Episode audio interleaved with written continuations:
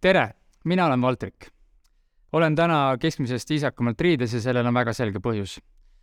nimelt täna on emadepäev ja tahaks kõikidele emadele, aga eriti meie enda koguduse emadele öelda ilusat emadepäeva. oleme nii tänulikud, et äh, olete eesminejad, olete need, kes äh, on eeskujud nii paljudele lastele ja mõjutavad kindlasti tervet koguduse kultuuri ka. nii et ilusat emadepäeva, ilusat päeva teile ja aitäh, et olete aga ma pean selle rõõmu hetkel kohe ümber keerama, sest tahan teid sissejuhatuseks viia kahe tuhande seitsmeteistkümnenda aasta kaheteistkümnenda juuli hommikusse, mis oli minu elu üks süngemaid. on neid, kes on seda lugu kuulnud, aga ma tahan seda jagada ühel kindlal põhjusel just täna. sellel kaheteistkümnenda juuli hommikul ma igatahes ärkasin üles teadmisega, et mu ema on koomas ja arstid ei suuda teda enam äratada. sellel samal päeval sõitsin äh, sõitsime siis laevaga nagu Soome, mu ema elab Soomes, sõitsime sadamast otse Helsingi haiglasse ja kuskile sinna haigla keldritesse, seal oli väga sünge ja pime, kogu see olukord, vihma sadas, ma mäletan. istusin siis oma ema äh, voodi kõrvale, vaatasin oma liikumatut ema ja olin täiesti nõutu. mõtlesin igasuguseid mõtteid, mida saab sellises olukorras üldse mõelda. muidugi võimust tahtsid võtta minu peas just need kõige halvemad mõtted. ja saad aru, ma olin äh, seal mõned minutid istunud, kui arstid ütlesid, et nüüd on aeg minna, et siin ei saa kaua kahjuks olla. ma olin, et kuulge, rahu, vabandust, et ma, ma ei lähe kuskile enne, kui mu ema liigutab kas või sõrme. ma ei olnud jõudnud äh, palvetada, ma ei olnud jõudnud mõeldagi ise oma mõtteid ja juba ma pean siit ära minema. aga midagi ma jõudsin enne seda minekut äh, ära teha ja see, mida ma tegin, see on seotud selle sama päeva hommikuga ja ma lähen nüüd mõned tunnid tagasi selle sama päeva hommikusse, kaksteist juuli kaks tuhat seitseteist ma ärkasin üles teadmisega, ma tahan täna Jumalat usaldada ja ma usaldasingi. aga minu sees oli väga suur segadus ja ma ei suutnud palvetada, ma ei suutnud äh, keskenduda, ma ei suutnud nagu päris selgelt aru saada, mis toimub. mida teised mu ümber rääkisid, soovitasid, aga igatahes olukord oli selline. aga äh, mul on, äh, oli siis kristlasena selleks hetkeks üks väga tugev harjumus ja sees ja see oli see harjumus, et igal hommikul ma lugesin piiblit esimese asjana ja kuigi mingit tahtmist või mingit tuju või tunnet mul seda teha ei olnud, siis ma tegin ikkagi selle otsuse, et ka tol väga keerulisel hommikul ma võtsin selle piibli, sellesama piibli kätte ja mu lugemise järg oli sellesama loo juures äh, Matteuse evangeeliumis, mida te ka teie lugesite, kus see väike tüdruk oli surnud, kelle juurde siis Jeesus läks. mina lugesin sedasama lugu, aga ma lugesin seda teisest evangeeliumist, teisest raamatust, siitsamast piiblist, Markuse viis nelikümmend üks. ja seal on kirjas, et ja, ja ta seal on kirjas, et ja võttes kinni lapse käest, ehk siis Jeesus võttis kinni ja ütles tüdrukule, talita kuum, talita kuum. ja see tähendab tõlkes, tüdruk, ma ütlen sulle, ärka üles. ehk siis ma lugesin sellist lugu sel samal hommikul piiblist ja mõni tund hiljem olime oma liikumatu ema kõrval. istusin pisarat tagasi hoides, sest ma ei suutnud isegi palvetada. ma pean, ja ma pean kohe veel püsti tõusma, ma pean kohe siit ruumist ära minema. aga enne veel, kui ma lahkusin, siis ma puudutasin õrnalt oma ema kätt ja ütlesin väikse häälega, et Dalita Kum. ma kaks sõna suutsin öelda, see oli ainus, mis ma suutsin teha. ma jõudsin enne ruumist lahkumist najatuda oma ema pea kohale, vaatasin nii-öelda talle silma, mõtlesin, et äkki tunnen veel korra tema lõhna. võib-olla viimast korda. ja saad aru, sel hetkel hakkasid ta silmalood värisema, õrnalt, reaalselt. ja, ja need hakkasid värisema aina tugevamalt. ja lõpuks need avanesid, need silmad, väga vähe, aga siiski ja ta vaatas mulle korra silma. seejärel jooksis üks pisar mööda tema põske ja ta pani uuesti silmad kinni. järgmisel päeval ma läksin uuesti haiglasse, siis ta vaatas mulle juba pikemalt otsa, ei läinud kaua, kui ta istus ja sai rääkida vaikselt. tal läks väga kaua, kui ta täielikult taastus, aga täna seesama naine on püsti. tal on füüsiliselt kõik hästi, ta loeb piiblit, ta palvetab ja paar päeva, paar aastat siis pärast seda sündmust, mis ma jagasin, sai mu ema ristitud ja mina olin üks, kes ristis ma pean ära mainima, et sellel samal pimedal päeval ma olin väga teadlik, et mu ema võib ka surra. aga ma teadsin, et Jumal on hea ja kui millestki või kellestki, ka sel juhul, kui ta oleks ära surnud, siis ma kavatsen ka siis hoida mu ema sellest kinni. see lugu läks igatahes seekord nii. ma tulen hiljem äh, selle loo juurde veel tagasi. aga praegu ma tahaksin küsida sinult ühe küsimuse, mis on võib-olla natuke jabur. aga kui sa tahad täna minuga kaasas olla, siis mõtle nüüd täiega kaasa palun kujuta ette, et iga hommik, kui sa ärkad, kui sa avad oma silmad, eh, siis su öökapi peal või ma ei tea, kuskil voodi ääres sul, kui sul öökappi ei ole, sa ärkad, siis sind ootab igal hommikul kümme tuhat eurot sularaha. ja see raha on seal reaalselt igal hommikul. aga õhtuks, kui see kuupäev saab läbi, seesama päev, siis see raha nii-öelda haihtub. ja kuskile koguma, investeerima sa seda panna ei tohi, samamoodi sa ei tohi mingeid ülekandeid teha, saad aru? sa pead füüsiliselt minema, jagama, ostma midagi, millel on väärtus. reegel on, et sul on kümme tonni, sa pead selle heal eesmärgil ära kulutama, sest järgmiseks päevaks on sellesama raha väärtus null. minu küsimus sulle on, mis sa arvad, et kui palju sa sellest igapäevaselt suudad ära kulutada või jõuad või oskad või saad? ja arvestame sellega, et mõistlik raha kulutamine nõuab meie aega. Tahan sõbrale Pärnusse viia mingi osa sellest kümnest tuhandest, pean sõitma sinna, võtab aega. tahan vaestele toitu osta, võtab ka aega.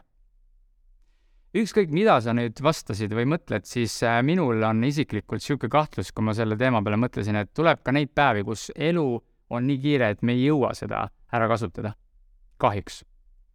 ja tihti juhtub see, et äh, õhtul viskame osa sellest rahast prügikasti, sest selle väärtus on homme null. Tegelikult on nii, et igal hommikul, kui me ärkame, siis meie nii-öelda öökapi peal ootab meid midagi, alati. ja see on Jumala poolt antud äh, nii-öelda igaviku väärtusega ressurss, mis on ainult selleks päevaks. sind ootab see igal hommikul. olgu öeldud, kui keegi segaduses, et äh, see ei ole päriselt nii, et kristlastel on mingisugune füüsiline ressurss või mingisugune jumala raha. see on lihtsalt näide võib-olla veidi paremini mõistmaks, et Jumal jagab meile iga päev vahendeid, mida me saame siis kasutada just sel konkreetsel päeval. sa avad oma silmad, avad esimesena, esimese nii-öelda raha ja seal on kirjas alusta päeva koos minuga. siin on isegi mul kirjas, alusta päeva koos minuga. ehk siis Jumalaga. ja kui sa alustad seda päeva koos Jumalaga, siis see raha saab nii-öelda kulutatud, hästi kulutatud. seda enam pole. Ja sellised rahatähed on meie kõikide öökappide peal nii-öelda iga päev ma räägin praegu nähtamatust, aga sellisest reaalsetest valikutest äh,, aga ka võitlustest, äh, mille eest me iga päev seisame, iga hommik. ja, ja kui sa vaatad seda rahatähte, näiteks esimest nii-öelda rahatähte Alusta päeva koos minuga, siis sa saad ju aru, et äh, me ei saa kasutada seda sama asja alles õhtul. kuidas ma alustan oma päeva koos Jumalaga õhtul peale tööd või koolipäeva? Ja mis veel võib juhtuda sel samal hetkel, kui me loeme Alusta päeva koos minuga siis mis võib juhtuda, on see, et me võime teha, me võime mõelda, et ah, ma kuskile kooli sõites, tööle sõites autoga, bussiga, ma siis ütlen Jumalale tere hommikust, loen piiblit, teen midagi. aga karm reaalsus on see, mis juhtub, see konkreetne rahatäht, see kaotab oma väärtuse. nii oluline on mõista, aru saada, et hingevaenlane, kurat, ei ole selles mõttes loll, et ta loobib sulle mingisuguseid mõtteid, kiusatusi alati, millele on lihtne ei öelda. enamjaolt on vaenlase suurim relv siin maailmas see, et ta tahab meie tähelepanu viia erinevatele tegevustele, keskenduda enda mugavusele, ehk siis kõigele, mis suunaks meie fookust Jumalast eemale. selline nii-öelda vaimulik ressurss, mis äh, meid kristlastena igal hommikul ees ootab, see on paljuski meil sarnane, sinul ja minul. näiteks ma vaatan oma täheseid, tänaseid rahatähti, siis see on kirjas, et palveta kellegi eest ähm,, jaga kellelegi Jumalast, sellised asjad mis siin veel on, käi aktiivselt koguduses. teeni kaasa. kahjuks aga me läheme tihti voodisse õhtul magama ja vaatame taskusse ja vaatame, oi, patakas kasutamata ressurssi on ikka alles. Need on võimalused. ja need kõik võimalused kaotavad kohe-kohe väärtuse. homme on uus võimalus, aga tänased võimalusi me homme päris sellisel kujul enam kasutada ei saa. aga see nii-öelda rahapatakas millest ma tegelikult räägin ja mis on äh, meil kristlastel iga päev kaasas, see on tegelikult püha vaim. see on Jumala tõotus, et kui me parandame meelt, me usume ja oma suuga tunnistame, et Jeesus on issand, siis meie sees elab elava Jumala püha vaim. Jeesus ütles Johannese neliteist kakskümmend kuus, et lohutaja püha vaim kelle isa saadab minu nimel, tema õpetab teile kõik ja tuletab teile meelde kõik, mida mina teile olen öelnud. tema juhib, räägib, kõnetab, suunab, tema juhatab. ja väga palju neid võimalusi, mis meil on, me kasutame, aga palju jätame ka kasutamata. ma usun, et me kõik teame eh, selliseid vabandusi oma elus, et eh, mul on praegu päris kiire. Ma praegu vajan tõesti lõõgastuda. mul pole hetkel aega, ma nii väsinud. aga millest mina olen oma elus aru saanud, et Jumal on see, kes teab kõige paremini, kui kiire mul on tegelikult, kui väga on vaja lõõgastuda mul just nüüd. või saan ma mingi võimaluse kasutada ja siis puhata.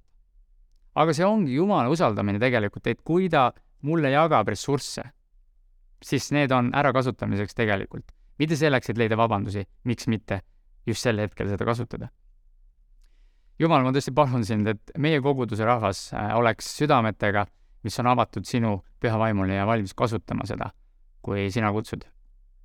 suurtes ja väikestes asjades ja iga päev. ja kui sa kuulad mind täna ja sa pole kristlane, sa kuulad seda juttu, sa ei tunne või ei usu ka absoluutselt Jumalasse. see on väga okei okay., rääkimata siis pühast vaimust. Siis ka tegelikult sinu nii-öelda kapi peal on igal hommikul ka need samasugused võimalused või mitte samasugused, aga mingid võimalused mida saad sa kasutada või mitte. isegi kui Jumal sinu sees ei ela, siis Jumala armastus eksisteerib ikka. tema poolt on ka sulle nii-öelda igal hommikul ressursid, mida kasutada ja mida mitte. täna oli võib-olla sul seal öökapi peal tule kogudusse, võib-olla sa tegidki seda. ainult rõõm.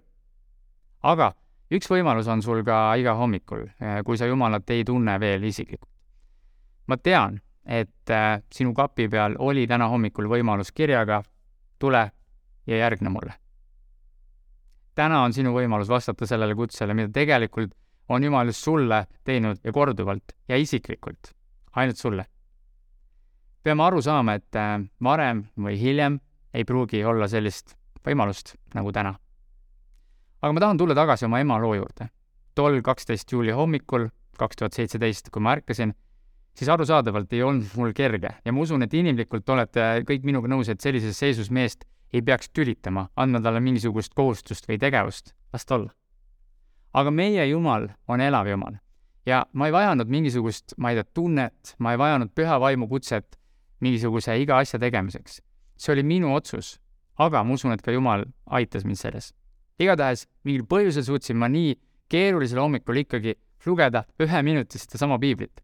juhuslikult lugesin ma tervest piiblist just seda lugu ja pool päeva hiljem tegin ma oma elu kõige lühema, kahesõnalise, aga võimalikult kõige olulisema palve. me loeme ja võtame sel aastal kolmanda kogudusega läbi Matteuse evangeeliumi raamatut ja iga päev tuleb igaühele, kes soovib, SMS piibli kirjakohaga ja mingi sisuga. Ja kes teab, kui oluline võib olla üks sama selline sõnum sinu või minu elus. me ei tea mitte kunagi, kui oluline võib olla lõpuks üks tegemata samm, üks kasutamata võimalus ärme lase vaenlasel võtta meie fookust. märka seda, kui mugavus on sinu suurim oht. tegele sellega. ma usun, et see on mõnele inimesele konkreetsemalt. samas ma tahan väga selgelt öelda, et mina ja sina, me ei saa õigeks mingisuguste tegude põhjal, nii palju, kui me seda ära kulutame. aga meil on selline Jumal, kes võtab sinult ja minult selle pinge maha ja ta maksab, on maksnud täiusliku hinna Jeesuse Kristi surma kaudu ja see on põhjus, miks ma ei tunne mingisugust kohustust, vaid pigem armu ja igatsust liikuda ning tegutseda selles vaimus, pühas vaimus. ma ei pea iga hommik ärkama ja tundma pinget, et pekki, et ma pean selle raha ära kulutama, nii-öelda. Ma pean kohe selle ära kulutama, kõik ära kulutama, muidu ma ei tea, mis juhtub. jumal saab aru, et me, me ei suuda selliseid asju teha täiuslikult. aga meie täiuslik Jumal võtab sinult ja minult selle pinge maha ja ma olen maksnud ohvri meie eest ma olen, ma ei tea, kui palju kordi õhtuti magama jäädes visanud selle nii-öelda suure summa, mis mul õhtuks alles on, kulutamata võimalused prügikasti. ja olen tundnud süümepiina. aga teate, mida ma tihti nendel hetkedel kogen meelt parandades? See on see, et Jumal ütleb, Valtrik, homme on uued võimalused. tule ja lihtsalt järgne mulle. Vau. Unreal, selline Jumal on meil. ja et ma liiga teoreetiliseks ei jääks, siis ma jagan ühe väga lihtsa igapäevase näite siia ka veel. teate, mul on palju võimalusi elus, kus ma olen saanud inimeste eest palvetada, jagada sellest samast Jumalast, teha neid asju, mida Jumala vaim juhib ja kutsub, õpetab tegema ja ma olen neid teinud, aga jagan sellest, kuidas olen siis mina ühel päeval mingisugune nädal aega tagasi jõusaalis, ma käin seal mingisugune paar korda nädalas, maks tund aega, jooksen, tõstan natuke metalli ka. aga ükskord olen siis mina seal ja, ja näen ühte noort meest, kes oli nagu silmnähtavalt ebakindel. ja isegi minusugune amatöör oskas hinnata, et need harjutus, harjutused, mida ta tegi, need ei käi niimoodi, nagu tema neid teeb. aga see polnud niisugune koht, kus ma muigan ja korra naeran või midagi absoluutselt, see oli selge tunne enda sees, et mine ja ütle talle kolm sõna. ära anna alla. see oli nii tugev, selge sõnum minu sees. aga no kuidagi veider ju minna, et võõra inimese juurde niimoodi lihtsalt lähen. pärast kutsub veel turvamehed mulle nagu. muidu ma nagu ei karda ja nagu miks mitte, aga praegu, sel hetkel ma kuidagi tundsin, et see pole see hetk. vaatasin, ma mäletan oma pulssi, mul oli mingi sada nelikümmend istudes, mõtlesin, et no ma ei hakka riskima, et jumal, et noh, sa ei taha, et mina enda oma tervisega praegu siin püsti hüpates riskin, vaatan hiljem. tegin mingi harjutuse ära ja siis mõtlesin, et no nüüd võiks minna, et mingi tugev tunne sees, mine lihtsalt ütle. ja hakkan juba minema, viimasel hetkel mõtlen, et äkki ta on venelane. ja no mul on see mure, et ma ei oska vene keelt üldse. et jälle mingi awkward moment, on ju. ühesõnaga, saate aru, otsisin lihtsalt vabandusi. sel korral võitis minu laiskus, minu suutmatus üks lihtne asi ära teha aga voilà, paar päeva hiljem sama tüüp, sama olukord. aga ka sama tulemus. mul on jõusaalis võõrastega vestlusi olnud päris palju erinevaid, aga nüüd ma ei saanud ühe lihtsa lausega hakkama. igatahes enam seda tüüpi seal jõusaalis näinud pole. ja ma ei tea kunagi, võib-olla ta andiski alla. milline vägev usumees istub siin, paljatas Jeesuse eeskujul oma ema koomast ülesse, aga nüüd ei suutnud kolme sõna öelda aga ma ei tea kunagi, kui suur kasutamata võimalus see võis olla. ja see oli mul sel päeval kaasas. Neid õhtuid on palju, mis on edukad, on palju neid, kus ma näen, et mul jäi võimalus kasutamata, mis mul oli. ja neid võimalusi jääb minul ja sinul kasutamata palju. aga mida me teha saame? ma olen öelnud teistel hetkedel õhtuti, et jumal, ma tahan lihtsalt olla julge, ma tahan olla see, kes juhindub sinu pühast vaimust. iga hetk. ja selleks, et oma päeva alustada, või lõpetada Jumalaga või kellegi eest palvetada või kellelegi jagada Jumalast. ei ole vaja nii-öelda mingisuguseid rahatähti või me ei ole isegi vaja püha vaimu kutset selleks. Need on lihtsalt igapäevased otsused öelda Jumalale jah. meie elu on täis valikuid. iga päev. meil on iga päev, iga tund valikud, mis tegelikult peegeldavad, kas mul on elav suhe Jumalaga või mitte sul on iga päev, iga tund valikud, mis peegeldavad, kas sul on elav suhe Jumalaga või mitte. ja sellest, mis otsuseid teeme meie, sõltub äh, väga palju. kui me loeme Mattiuse evangeeliumit, siis mida me näeme, näeme seda, et Jeesus kõndis siin maa peal ja kuidas tema tegevus muutis nii üksikinimeste elusid kui ka järk-järgult laiemalt tervet ühiskonda. ja tegelikult alles pärast sedasama Jeesuse surma, tema ülestõusmist ja taevasse isa juurde naasmist pärast seda said Jeesuse järgijad täidetud püha vaimuga. ja neile oli antud seesama taevane ressurss ja see julgus minna välja ja teha Jeesuse jüngriteks kõik rahvad. ja siis hakkaski rõõmusõnum sellest samast lootusest, päästest plahvatuslikult levima ja nii muutus ka ühiskond. Jeesus muudab täna ka jätkuvalt sedasama ühiskonda, ta kasutab selleks oma järgijaid. ja isegi kui Jeesus ei ole täna füüsiliselt siinsamas meiega, siis ta on andnud tõotuse Mattuse kakskümmend kaheksa, kakskümmend, et olla iga päev meie juures ajastu lõpuni. mis ma tahan kokkuvõtteks öelda? ükskõik, kui suur ja vägev kümme tuhat eurot meie öökapil võiks olla, siis Jumal annab meile igapäevaselt tegelikult uusi võimalusi, mille väärtus ei ole võrreldav ühegi summaga.